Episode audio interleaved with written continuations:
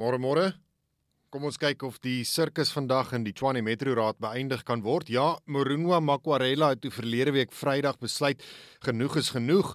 Hy gaan in sy eie swaard val. Hy gaan bedank dit nadat aan die lig gekom het dat daardie uh, rehabilitasie sertifikaat van hom toe wel vervals is. Ek het ook boodskappe gesien waarin hy erken dat hy van 'n derde party gebruik gemaak het om hierdie rehabilitasie sertifikaat te vervals en uh, hy het toe maar besluit hy gaan nie langer voort met hierdie hele uh, sirkus storie van hom nie. Genoeg is genoeg. Hy gaan bedank.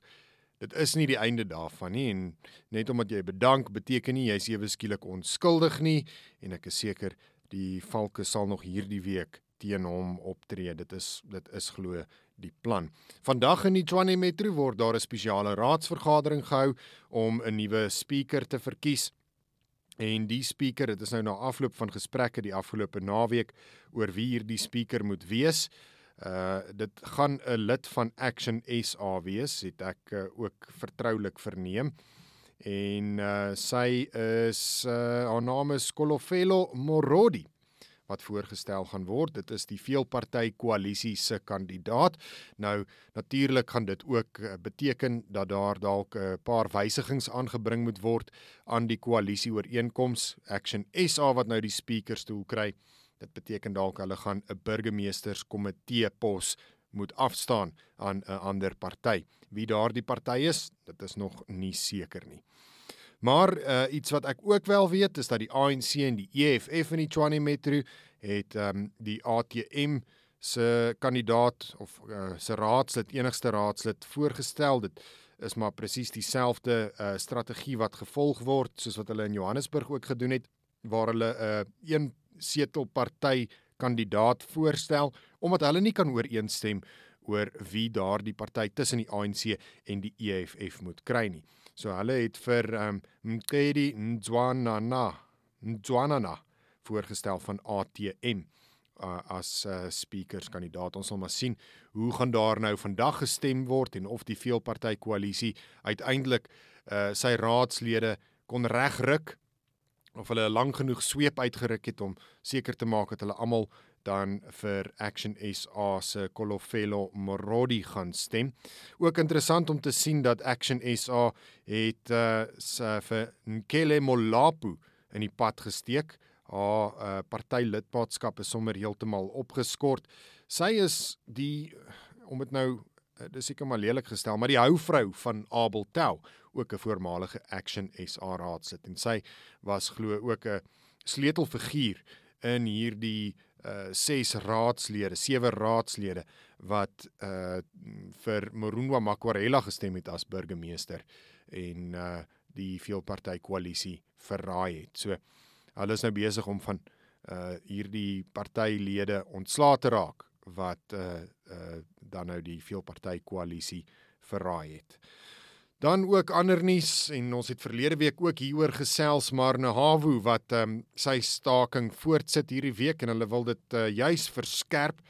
Nahawu wat die naweek 'n perskonferensie gehou het en gesê het dis nie hulle verantwoordelikheid as daar iemand by hospitale doodgaan as gevolg van hierdie staking nie. En natuurlik is dit hulle reaksie op die vier sterftes wat reeds aangemeld is, vier sterftes as as gevolg of 'n direkte gevolge van die staking wat uh, gehou word by hospitale oor die land heen. Ek sien vanoggend in Vosloorus is die weermag selfs ontplooi by 'n hospitaal daar in Ekurhuleni. Dit is om te verseker dat uh, slegs pasiënte en uh, dokters wat wil werk by die hospitaal toegang verkry dat NAHWO-lede nie toegang verkry tot hierdie uh, gesondheidsfasiliteite nie. En uh, ja, weer eens laakbare gedrag van NAHWO. Eerstens, dis julle lede wat veroorsaak dat mense doodgaan by hospitale en dan uh, wil julle nie eers verantwoordelikheid daarvoor aanvaar nie.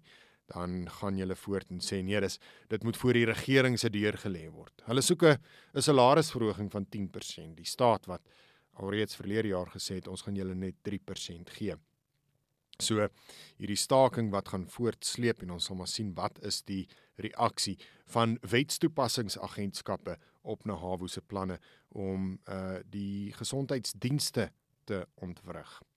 Dit dan die groot twee groot stories vir die dag.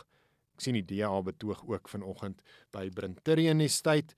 Hulle is ongelukkig oor die herehuise waarin ministers en adjunkministers bly. Uh, dit kos ons miljarde rande per jaar om daardie personeel van hierdie ministers ook in diens te neem. Uh, Natuurlik ook die drywers wat hulle kry en met reg kan daar gevra word. Hoekom betaal ons so baie vir hierdie mense om in weelde te leef terwyl die res van ons uh, elke dag beerdkrag in die gesig moet staar en elke dag 'n uh, hoër lewenskoste, stygende lewenskoste moet ervaar. Uh, hierdie uh, ministers leef eintlik maar in ontkenning van die werklikhede in Suid-Afrika. Vir almal wat elke keer met daardie werklikhede in die gesig gestaar word, 'n goeie dag vir jou en onthou, groete by die huis.